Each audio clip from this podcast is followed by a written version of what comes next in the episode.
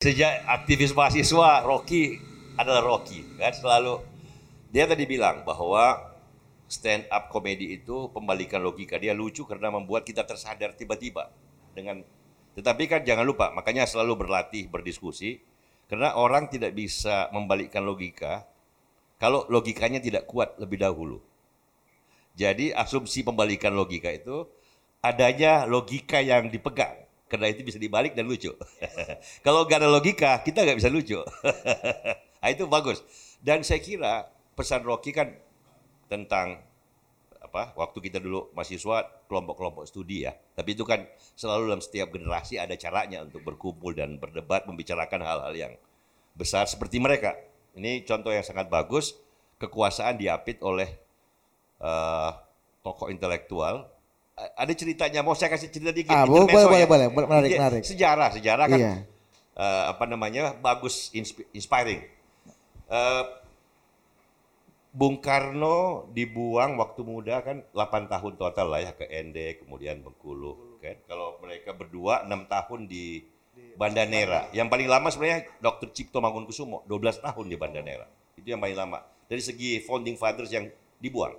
Nah, uh, Hatta waktu dibuang dan Syahrir dibuang ke bendera, begitu Jepang masuk kan mereka dibawa pakai Catalina untuk pergi uh, untuk jangan sampai di di di mau di, dilindungi lah ya. ya. Nah dalam pada saat mau naik kapal uh, Syahrir bawa anak kecil ya, ya Om Des Des Alwi. Des Alwi. Ya.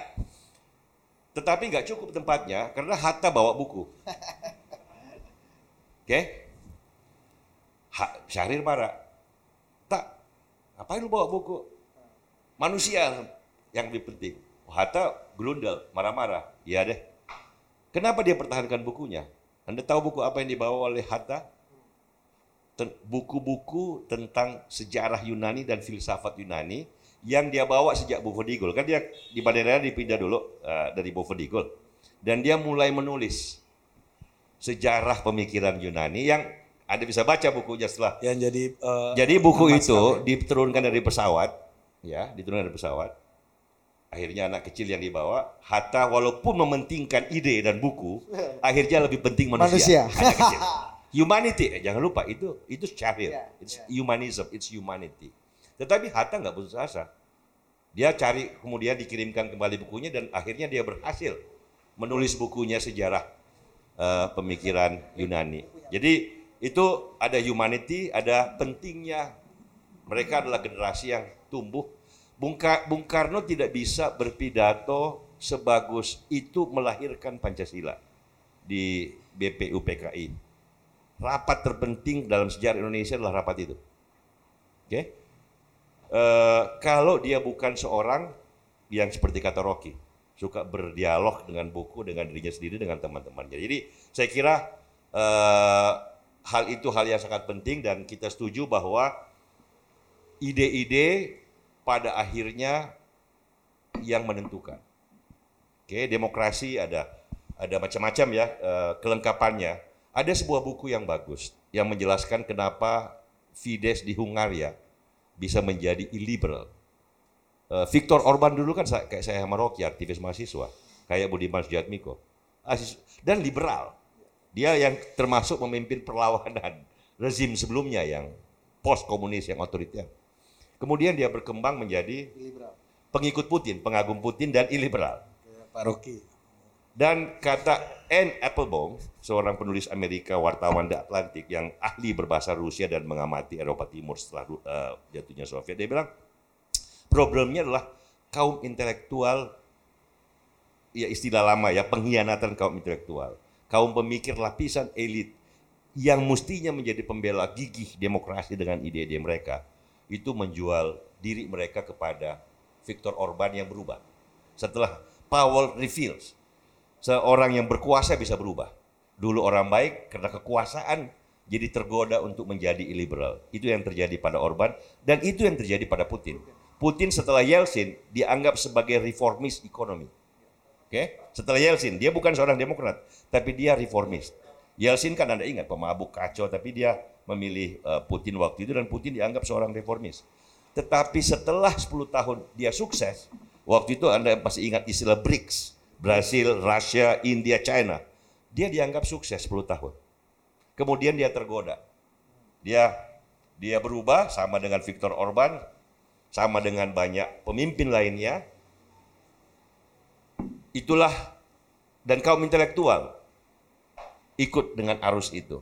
Nah, yang membanggakan dengan kita dengan penuh kepedihan kepada Ade Armando, yang membanggakan pada demokrasi Indonesia sekarang, apa pun yang terjadi, tetapi kaum intelektual, civil society, mahasiswa, wartawan itu manakala dibutuhkan tampil bersuara keras membela prinsip-prinsip demokrasi.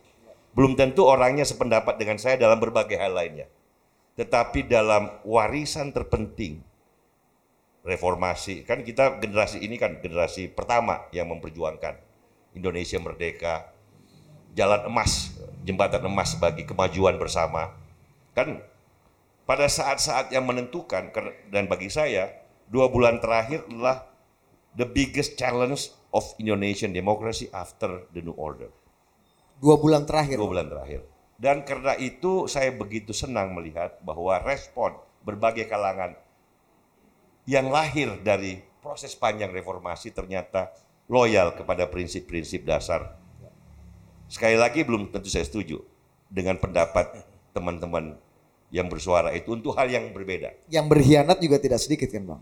Pasti, pasti selalu begitu kan. Kita nggak mungkin monolitik kan. Tetapi kekayaan keragaman Indonesia ini salah satu kunci kekuatan kita. Rasanya ya, kalau di Hungaria tidak terjadi, malah sebagian besar orang berpendapat larut di dalam kekuasaan. Kalau kita kan masih imbang-imbang lah. Bahkan Rocky tidak mau masuk ke dalam kan? bukti bahwa Rocky masih bisa terus-menerus mengeritik hampir tiap hari itu kan membuktikan kekayaan dan kekuatan demokrasi Indonesia. Demikian pula yang lainnya. Begitu banyak dosen, begitu banyak wartawan, begitu banyak masih kemarin mahasiswa.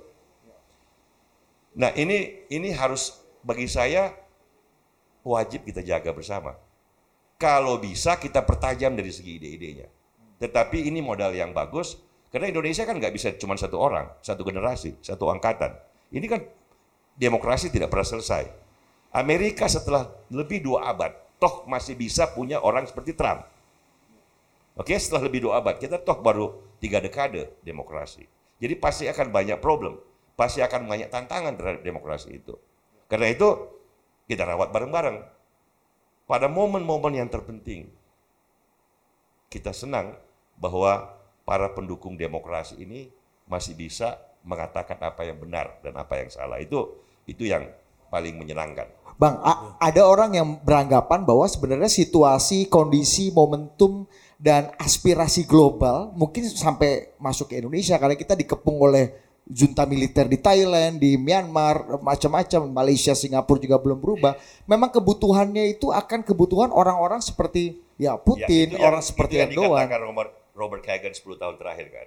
Tetapi dia juga barusan menulis dan saya kira Fukuyama juga menulis, Farid Sakaria juga menulis. Ya. Mudah-mudahan Ukraina ini jadi momentum baru. Ya. Hmm. Kalau kemarin 10 tahun itu momentum illiberal demokrasi hmm. ya. atau otoritarian kapitalisme, maka sekarang mudah-mudahan orang tersadar bahwa heh kalau kalian mendukung otokrasi, lihat aja apa yang terjadi pada Putin. Dia rusak ya. masyarakat Rusianya sendiri. Ya.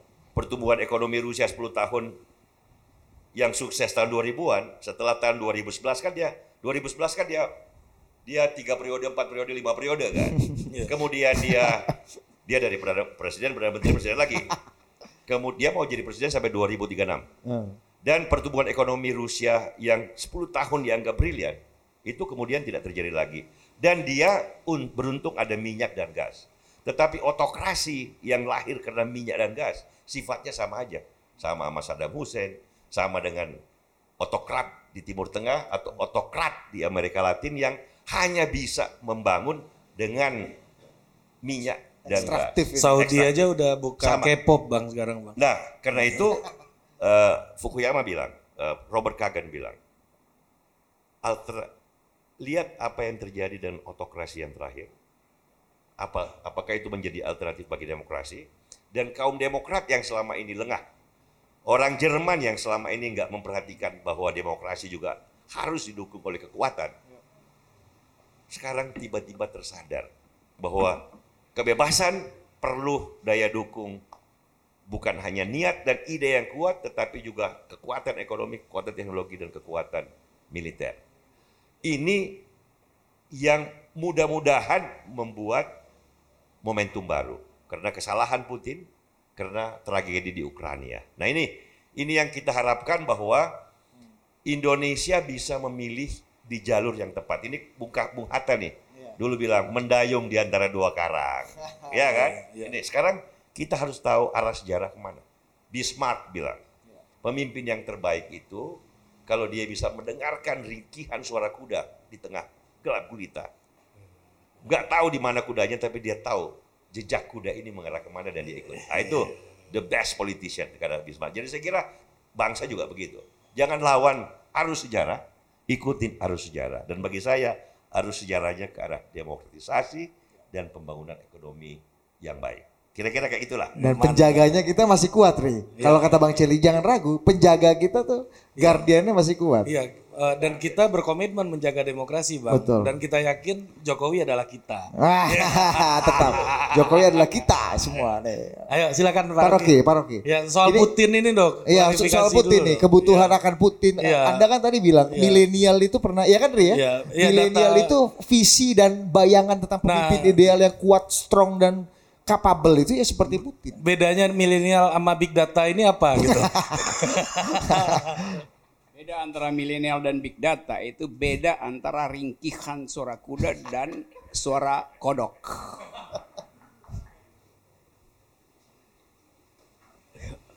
Putin, oke okay, saya kira-kira tiga tahun lalu saya naik Gunung Elbrus Gunung Elbrus itu gunung es tertinggi di Eropa, di Rusia yang udah di wilayah Kaukasia itu wilayah Muslim di situ.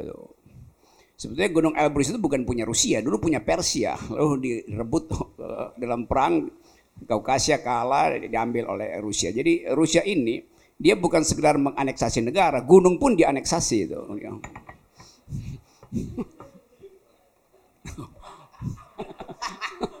yes gunung juga. ya, punya gunungnya tuh. Saya kedinginan di Gunung Elbrus. Minus 30 pada waktu itu suhunya.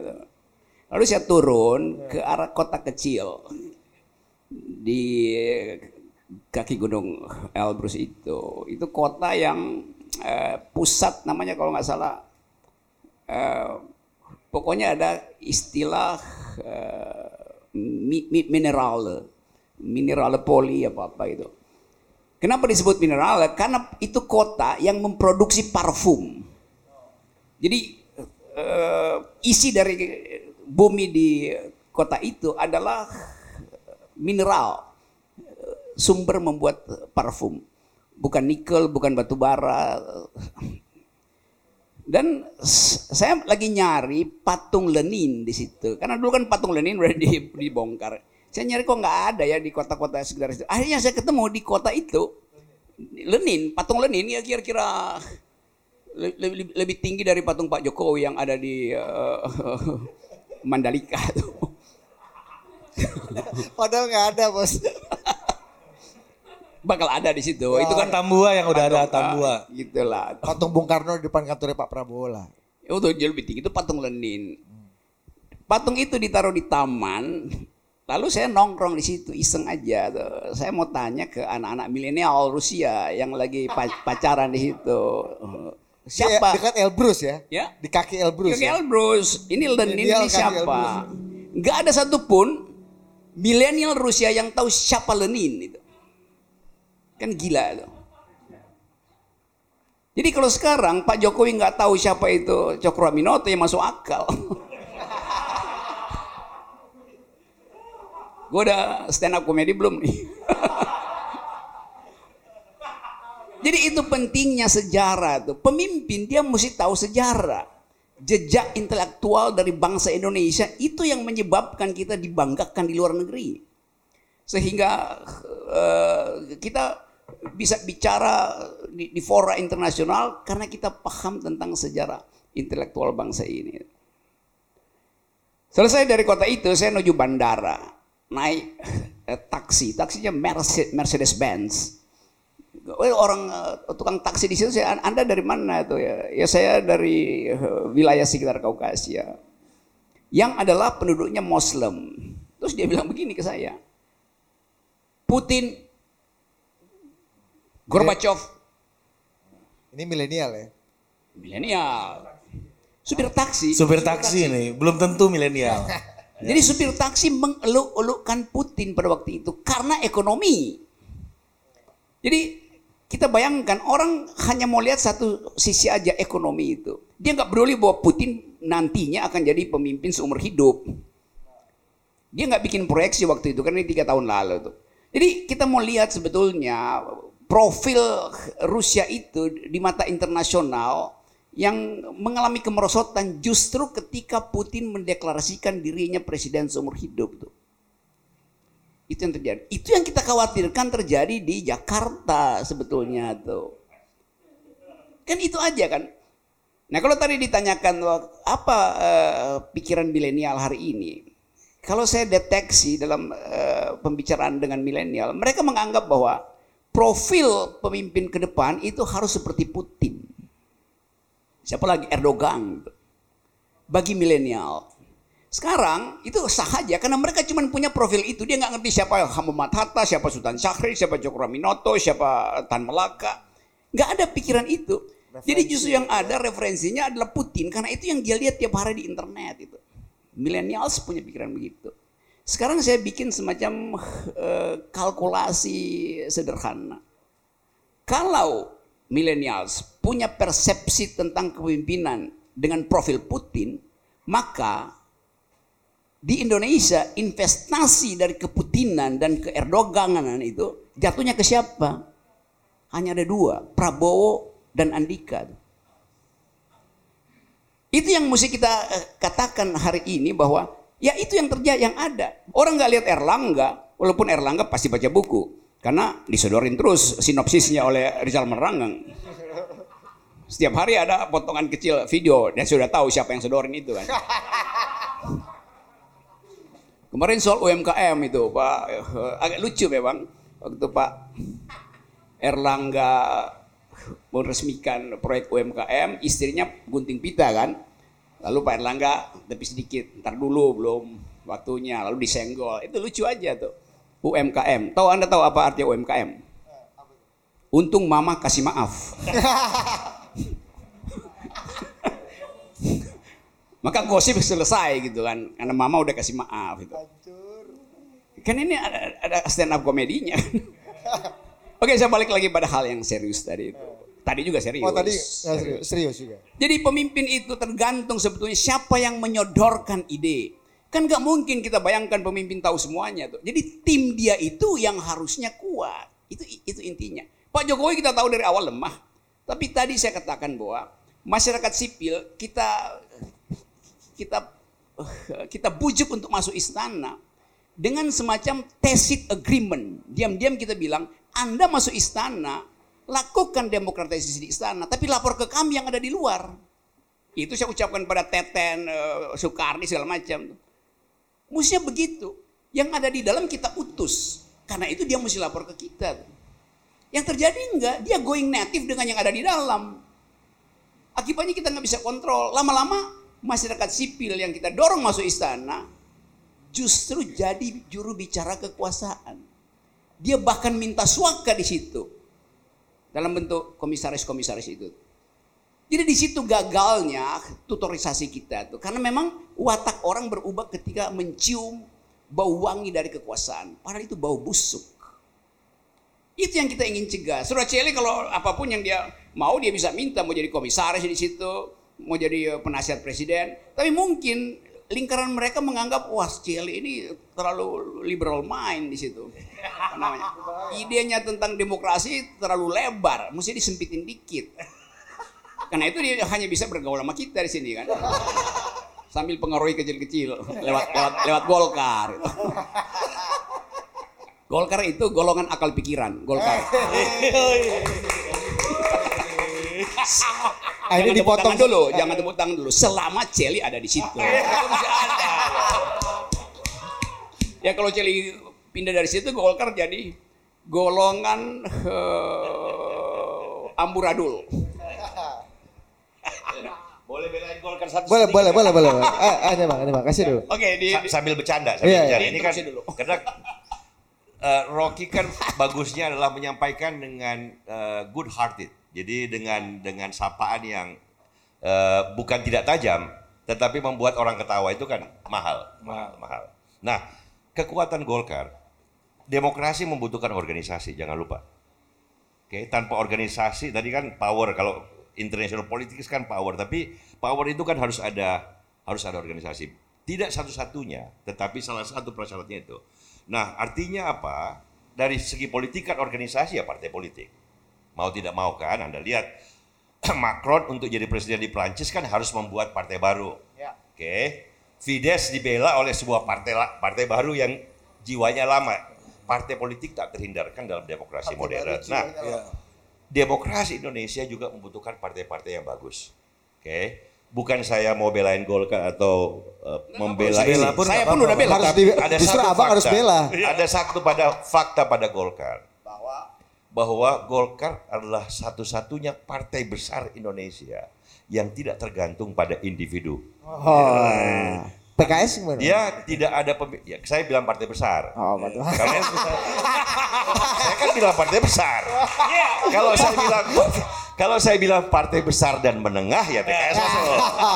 saya kan bilang partai besar. Kalau partai kecil Bapak? Partai besar yang tidak dimiliki oleh pemilik yang sifatnya seperti perusahaan terbuka hanya Golkar. Oh. Artinya politisi yang ada di Golkar, oke, okay, buk dalam berlatih ya mewakili kepentingan rakyat panggung politik yang tajam itu tidak mengandalkan dukungan dari atas kalau anda di partai yang ada pemiliknya begitu anda disenangi oleh pemilik partainya jalan anda untuk promosi gampang anda nggak usah hebat anda nggak usah terlatih jadi orang dalam tapi di Golkar tidak ada itu tapi kan ada rumus ini bang paling dekat gerbang istana juga ada gitu. No itu cuma Golkar dulu kan harus dekat juga itu, bang sama. It's a condition. itu primus inter pares, bukan bukan pemilik. Yeah. Ya. Jadi di Golkar kalau anda berjalan ke depan, anda harus lihat spion kiri kanan. Kalau enggak anda bisa maju di dari belakang dihajar. Anda mundur-mundur kejeblok. Jadi penciuman tajam, jiwa harus tahan terlatih. Inilah yang dibutuhkan bagi demokrasi yang yang kuat. Nah, sebagai guardian of demokrasi tadi Partai untuk menangkal hal-hal yang tadi kita khawatirkan, yang Rocky ya. khawatirkan, yang Abang juga katakan, Golkar ini bisa nggak bang? Dengan kapasitas, pengalaman panjang, sumber daya manusia yang ada. Kalau kita lihat kan kondisinya agak bisa, beda kemarin ini. Bisa dan terbukti bisa. Ya. Tergantung. Kan ini ini. Jadi uh, kalau Pak Erlangga kemarin hanya ini aja bang ya kasih. Kan menampung aspirasi. Menampung aspirasi ya, aja kan, itu ya bang. Boleh dong menampung aspirasi. boleh lah. ya kan? Itu boleh, kan, boleh. Kan, eh, tetapi jangan lupa kan Munas Golkar, keputusan ter, ini kan kekuatan Golkar kan bukan organisasi, bukan individu tapi organisasi. Organisasi kan memutuskan bahwa pemilu 2000 itu Munas ya, tertinggi. Nggak ada yang bisa mengubah. Mun, pemilu 2024, ketua umum kandidat capres 2024. Itu kan tidak ada yang bisa mengubah itu kalau tanpa Munas baru. Sehingga Golkar sebagai organisasi tahu bermain mendayung di antara dua karang seperti kata Bung Hatta dengan cantik.